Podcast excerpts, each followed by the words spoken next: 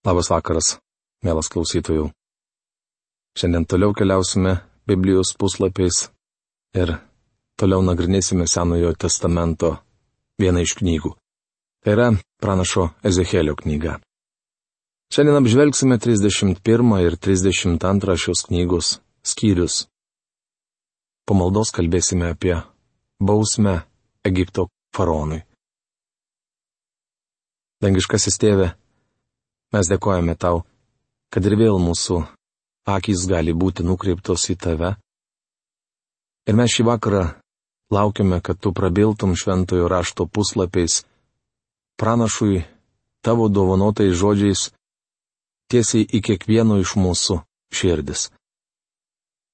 Prašom, kad tu savo dvasios gale veiktum mūsų širdise padėdamas mums suvokti prasme tų žodžių, kurie užrašyti šiuose dviejose skyriuose, kad supratę to laikmečio, tolimo laikmečio įvykius ir prasme tavo išsakytų žodžių toms tautoms, galėtume šiandien prisiminti, kad, kaip prašai šventajame rašte, Jėzus Kristus vakar ir šiandien toks pats ir per amžius.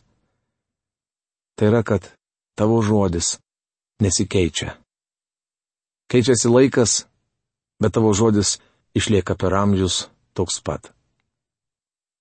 Padėk mums tai suprasti, suprasti, ką mes turim šiandieną padaryti, kiekvienas asmeniškai, kad išvengtume tos dalies, kuri ištiko šiuose skyriuose aprašytiems žmonėms. Meldžiame mūsų viešpatės ir gelbėtojo Jėzaus Kristaus vardu. Šiais dviem skyriais baigėsi Ezekėlio knygos dalis, kurioje kalbama apie bausmę Egipto kraštui. Priminsiu, kad ši dalis prasidėjo 29 skyriumi. Įdomu, kad Egiptui Ezekėlis paskyrė net keturis skyrius.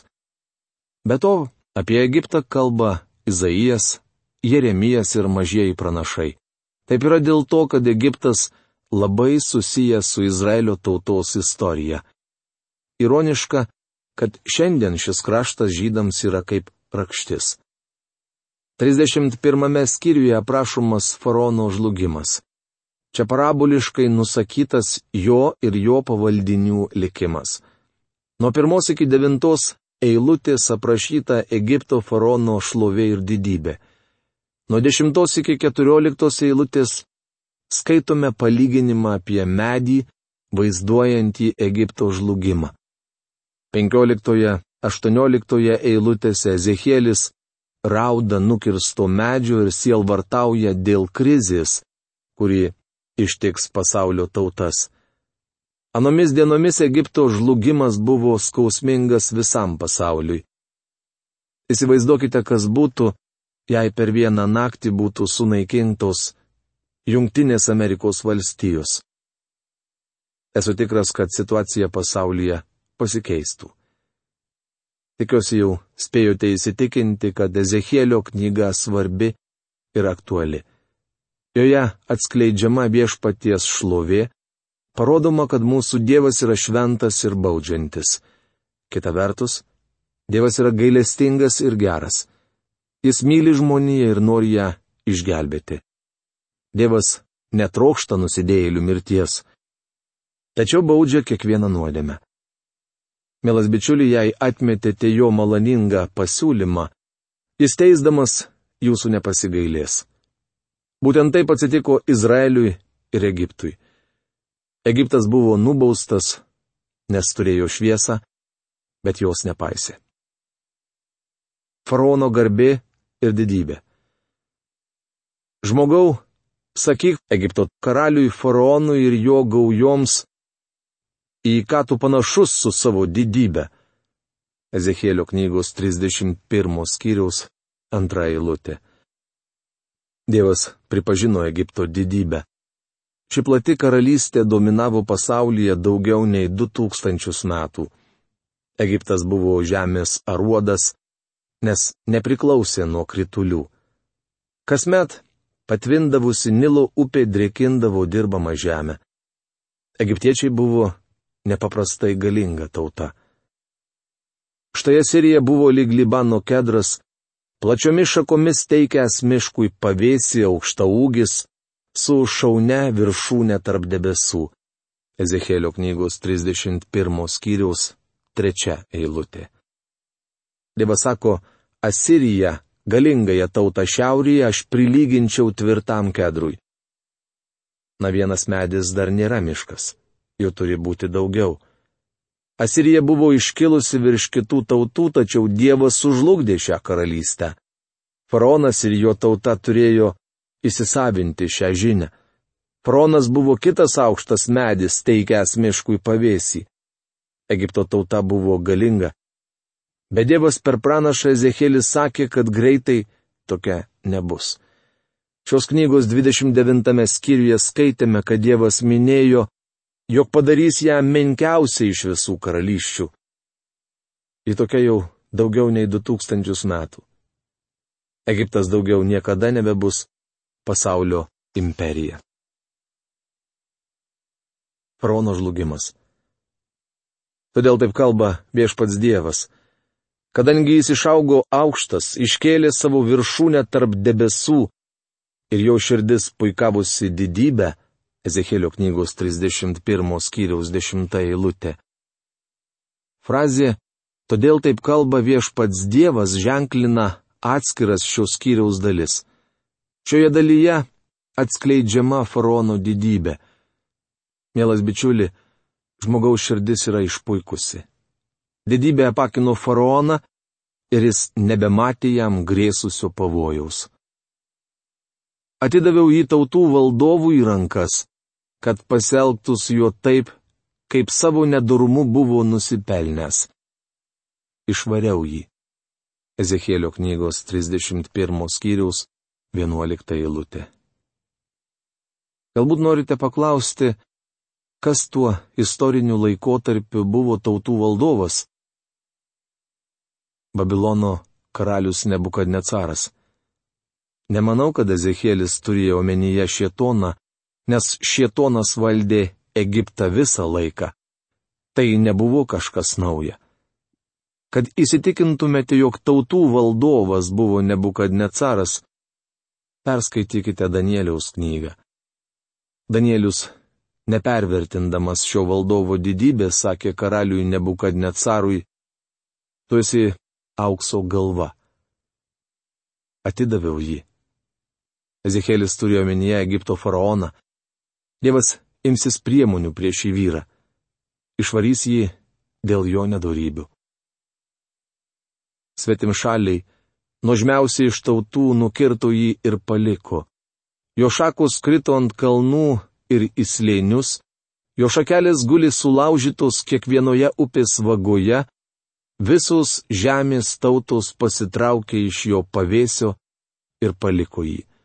Ezekėlio knygos 31 skyrius 12 eilutė.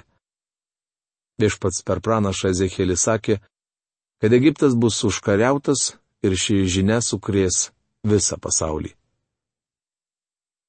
Frono apraudojimas. Dabar skaitysime įstabę šventojo rašto dalį.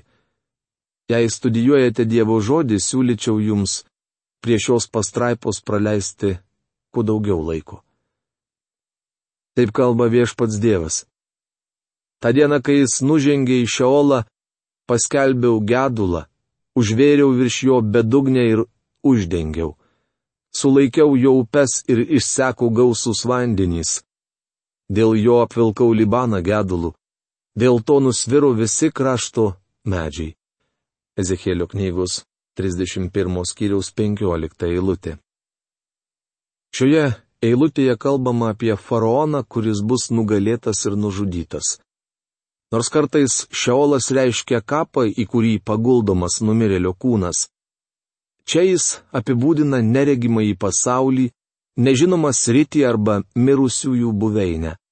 Kitaip tariant, šioje eilutėje šiolas reiškia vietą, į kurią patenka žmogaus dvasia. Saliamonas kalbėjo, jo kūnas grįžta į žemę, o dvasia iškeliauja pas Dievą. Dulkė sugrįš į žemę, kur kadaise jos ir buvo. O gyvybės alsavimas pas Dievą, kuris jį davė. Rašoma mokytojo kitaip Ekleziasto knygos 12 skyriaus 7 eilutėje. Mielas bičiulis, žmogaus kūnas yra tik dulkės. 103 psalmės 14 eilutėje skaitome, juk jis, tai yra Dievas, žino, kokie mes padarai, atsimena, kad mes esame dulkės. Kartais mes užsimirštame, jog esame tik dulkės, o dulkėms limpant prie dulkių susidaro purvas. Mūsų kūnai yra tik dulkės ir sugrįš į dulkės. Viešpats Jėzus sakė, kad po mirties tikinčiojo kūnas miega. Pirmo laiško tesalonikiečiams ketvirtos skyriaus tryliktoje eilutėje apie fizinio kūno miegą užsimena ir apaštalas Paulius. Tikriausiai norite paklausti, kur po mirties eina pražuvusio žmogaus dvasia. Į Šeolą neregimą į pasaulį. Evangelijos pagal Luką 16 skyriuje nuo 19 iki 31 eilutės skaitome Jėzaus pasakotą tikrą istoriją apie du mirusius vyrus. Iš šios istorijos žinome, kad Šiolas yra padalintas. Viena jo dalis vadinama kančių vieta, ten pateko turtuolis, kita dalis vadinama Abromo prieglopščiu Ten po mirties pateko Elgeta Lozorius. Kančių vietos nederėtų painioti su pragaru ar Naujajame testamente minimu ugnies ežeru. Manau, šiolas buvo laikina mirusiųjų buveinė mat. Pakildamas į dangų viešpats Jėzus ištuštino vadinamą įrojų arba Abromo prieglobstį. Plačiau apie tai rašoma laiško Efeziečiams ketvirtame skyriuje nuo 8 iki 10 eilutės. Kančių vieta ištuštės tik galutinio teismo dieną, kai visi, kas tenai pateko, atsidurs priešais didelį baltą sostą. Plačiau apie tai skaitykite prieškimo knygos 20 skyriuje nuo 11 iki 15 eilutės. Turėdami tai omenyje atkreipkite dėmesį į Ezekėlio žodžius. Jis sako, kad faraonas nužengs į Šeolą. Prisiminkite, kad čia Dievas kalba ne apie faraono kūną. Kūnus priglaudžia kapas, o nematerialioji žmogaus dalis, amžinoji esybė, patenka į Šeolą. Užvėriau virš jo bedugnę ir uždengiau. Sulaikiau jau upes ir išseko gausus vandenys. Dėl jo apvilkau Libaną gedulu, dėl to nusviro visi krašto medžiai. Mirus faraonui, gedėjo ne tik Libanas, kur buvo įsikūrusi didžioji finikiečių tauta, bet ir visas pasaulis. Aplinkinės tautos neteko pagrindinio sąjungininko, smuko tautų ekonomika. Kaip matome, Dievo žodis išsipildė. Sviesdamas jį iš Eolą draugę su žengiančiais į kapą, jo kritimo trenksmu sudrebinau tautas. Visi Edeno medžiai rinktiniai ir geriausi Libano medžiai visi, kurie buvo gausiai drėkinami, buvo paguosti požemio pasaulyje. Ezekėlio knygos 31 skyriaus 16 eilutė. Sviesdamas jį į Šeolą draugę su žengiančiais į kapą. Dievas per pranašą sako, kad medis, simbolizuojantis faraoną, buvo nukirstas. Kur pateko faraonas? Į Šeolą. Paklausykite, ką jis tenai pamatė. Kuris iš Edeno medžių prilygo tau garbę ir didybę? Ir tu būsi nutemtas žemynai požemio pasaulį draugė su Edeno medžiais, gulėsi tarp neapipjaustytųjų sužuvusiais nuo kalavijo. Tokia yra faraono ir visų jo žmonių dalė. Tai viešpaties žodis. Ezekėlio knygos 31 skyriaus 18 eilutė. Šeole faraonas sutiko kitus nužudytus valdovus. Jis įsisavino dar vieną svarbę tiesą. Mirtis yra demokratiška. Šiandien daug kalbama apie visuomenės integraciją. Niekas nesulygina turtuolių ir skurdžių, juodaodžių ir baltaodžių, vyrų ir moterų, viršininkų ir pavaldinių, taip kaip mirtis. Ji visus padaro lygius, Turiuomenyje ne tik mirusiųjų kūnus, kurie atsiduria kape, bet ir jų dvasę. Turbūt daugelis supratė, jog žmogus nemiršta, kaip gyvulys nusteps. Sėki vienas ateistas man sakė, žmogus nustimpa kaip šuo. Jo egzistencijai paprasčiausiai ateina galas. Po mirtinio gyvenimo nėra. Na tas vyras didžiai nusteps, kai patekęs į Šeolą išvys tenai gausybę bendraminčių, tų, kurie netikėjo po mirtiniu gyvenimu ir busimuoju teismu. Tuomet jie visi bus lygus. Tai pati tikriausia visuotinė integracija. Iš Šeolą pateks visi, kurie atmetė viešpati Jėzų ne todėl, kad jie nusidėjėliai, bet dėl to, kad atstumė Kristų, kuris galėjo tapti jų gelbėtoju. Ši nuodėmė nugramzdins juos į Šeolą Vėliau iš čia jie atsidurs prie didelio balto sosto, bus teisiami ir galiausiai įmesti į ugnies ežerą. Viešpats Jėzus aiškiai sakė, dėl nuodėmės, kadangi netiki manimi, tai prašoma Evangelijos pagal Jono 16 skyriaus 9 eilutėje. Mielas bičiuli, baisu netikėti Kristumi kaip savo gelbėtoju. Ši šventojo rašto pastraipa atskleidžia visiškai naujas rytis. Kažkas šią ištrauką yra pavadinęs biblinė Dantės pragarų versija. Reikia pasakyti, kad šiokių tokių sąsajų iš tiesų esama. Pražuvusieji iš tikrųjų patenka į tam tikrą vietą. Viešpats Jėzus ją apibūdino kaip kančių vietą, kur pražuvusieji laukia teismo. Kai kurie žmonės sako, na ir kas, kad turėsiu stoti prieš Dievą? Jis manęs nenuteis, nes aš pakankamai geras. Tačiau atsidūrę akivaizdoje to, kuris buvo už juos nukryžiuotas, tokie žmonės supras, jog jų menki geri darbeliai yra beverčiai. Tuomet jie įsitikins, kad jų nuodėminga prigimtis nelinksta prie Dievo ir netrokšta jam patikti. Kaip dar Dievas galėtų su jais pasielgti? Ar manote, kad viešpats pasiims į dangų tuos, kurie prieš jį sukilė? Bičiuli, tai labai svarbus šventų rašto skyrius. Faraono ir Egipto apraudojimas. 32 skyriuje tęsiama rauda. Žmogau raudok dėl Egipto faraono ir sakyk jam, laikiai save liūtu tarp tautų, bet buvai kaip slibinas jūrose. Blaškeisi savo upėse, drumstai vandenį kojomis ir teršiai savo upes. Ezekėlio knygos 32 skyriaus antra eilutė. Frazė kaip slibinas jūrose reiškia, kad egiptiečiai garbino tiek liūtus, tiek krokodilus. Blaškėsi savo upėse, drumstei vandenį kojomis ir teršiai savo upes. Kaip matote, egiptiečiai turėjo ekologinių problemų. Faronas drumstė vandenį. Taip kalba viešpats Dievas.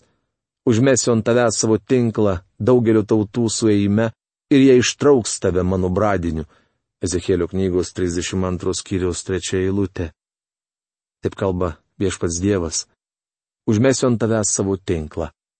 Dievas tarsi sako, kaip jūs metate tinklus Nilo upėje gaudydami žuvis. Taip aš pagausiu tave, Nilo slibinę krokodilę. Ištrauksiu tave ir perkelsiu į tokią vietą, kur nebus ištaigingų rūmų. Būsi lygų savo pavaldiniams. Mielas bičiuli, dar kartą kartoju, kad mirtis padaro žmonės lygius. Juk taip kalba viešpats Dievas. Babilono karaliaus kalavijas pakils prieš tave. Ezekėlio knygos 32 skyriaus 11 eilutė. Babilono karalius užkariaus Egiptą. Žmogau, raudok Egipto žmonių ir siūsk žemyn juos, Egiptą ir garbingų tautų dukteris į žemės gelmes draugę su žengiančiais į kapą. Ką tu viršį į grožiu? Ženg žemyn, būk palaidotas su neapipjaustytaisiais. Ezekėlio knygos 32 skyriaus 18-19 eilutės. Šiaule faraonas išvys ir kitų valdytojų. Ten Asirija ir visi jos žmonės, jų kapai aplink, visi nužudyti, kritę nuo kalavijo. Ezekėlio knygos 32 skyriaus 22 eilutė. Jis sutiks dar kai ką.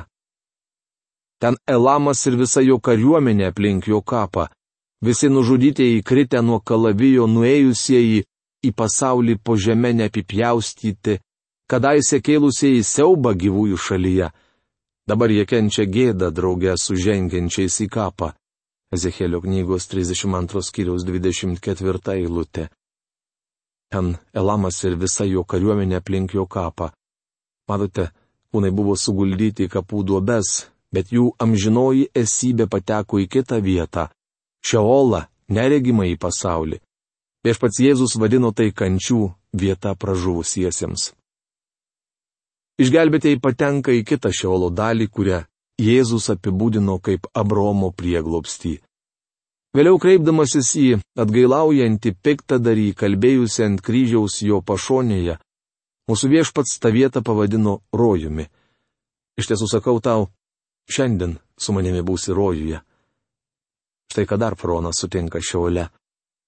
Ten Mešechas ir Tubalas ir visi jo žmonės visur aplink jų kapai. Jie visi neapipjaustyti, kritę nuo kalavijo neskėlė siauba gyvųjų šalyje.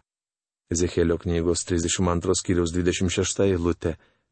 Ten yra ir Edomas. Ten Edomas, jo karaliai ir visi vadai, kurie nors ir galingi, tačiau paguldyti su žuvusiais nuo kalavijo. Jie guli su neapipjaustytaisiais, sužengiančiais į kapą. Ezekėlio knygos 32 skyriaus 29 eilutė. Paklausykite, kas sakoma 32 eilutėje. Kadangi kėlė siauba gyvųjų šalyje, Jis bus laidojamas tarp neapipjaustytųjų kartu su nužudytaisiais kalaviju - faraonas ir jo žmonės. Tai viešpatės Dievo žodis. Ezekėlio knygos 32 skyriaus 32 eilutė. Ezekėlis leidžia mums akies krašteliu išvysti neregimą į pasaulį Šeolą. Prisiminkite, kad tai tik trumpam šmėstelėjęs vaizdinys. Nebandykite statyti dangoraižio, prekybos centro ar viso parduotuvių rajono ant pamato pakankamo tik staliaus dirbtuvėms. Kitaip tariant, iš šių eilučių negalite suformuoti teologijos, nes mes viso labo žvilgterėjome į neregimą į pasaulį. Tai viskas, ką šiandien mes su jumis galėjome aptarti. Iki greito sustikimo. Sudė.